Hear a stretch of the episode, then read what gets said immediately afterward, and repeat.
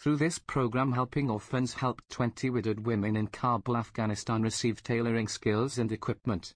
They also received government-approved four months learning certificates. As a result they became skillful tailors.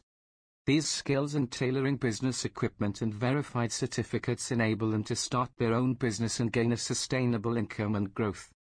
Each one of these women were left alone with responsibilities looking after their under 10 kids after their husbands died in war. For most of them, their husbands were serving in the pro-American Afghan National Army. Each of these women holds one to six children. They were lost how to raise these children when their husbands left them behind who were bringing food to home. Some of them were begging in the streets along with their under 10 children and some of them have no access to enough food and clean water for days. When they attended Helping Orphans vocational program they were completely doomed and hopeless but Helping Orphans gave them hope, and help them with food packs and provide them a learning opportunity. In four months they learn tailor and dress designing and now each of them sew four to five dresses per day. Shamila helping Orphans' tailoring trainee said, it changed her life. She didn't know before how to raise her son and how to achieve her son's goals in life, she said.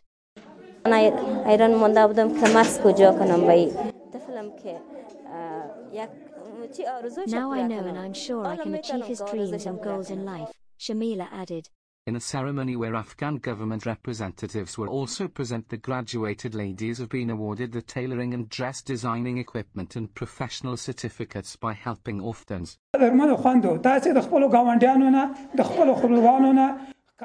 We will still continue to support the graduated sisters to find potential market, Abdul Fattah Taib Helping Orphans Country Director added.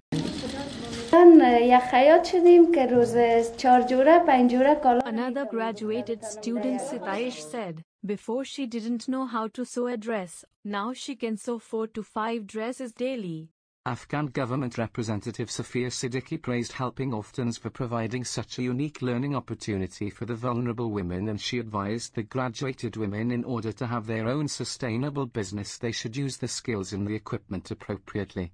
په دغه یو ځای کې چې یو کلی ده تقریبا یو بانډه ده د ښار یو برخه ده تاسو ته د دې شرایط You have given an opportunity of tailoring business within this community.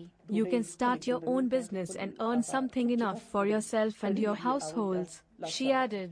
Helping Orphans will continue to support Afghan vulnerable people, orphans and widows with sustainable development projects.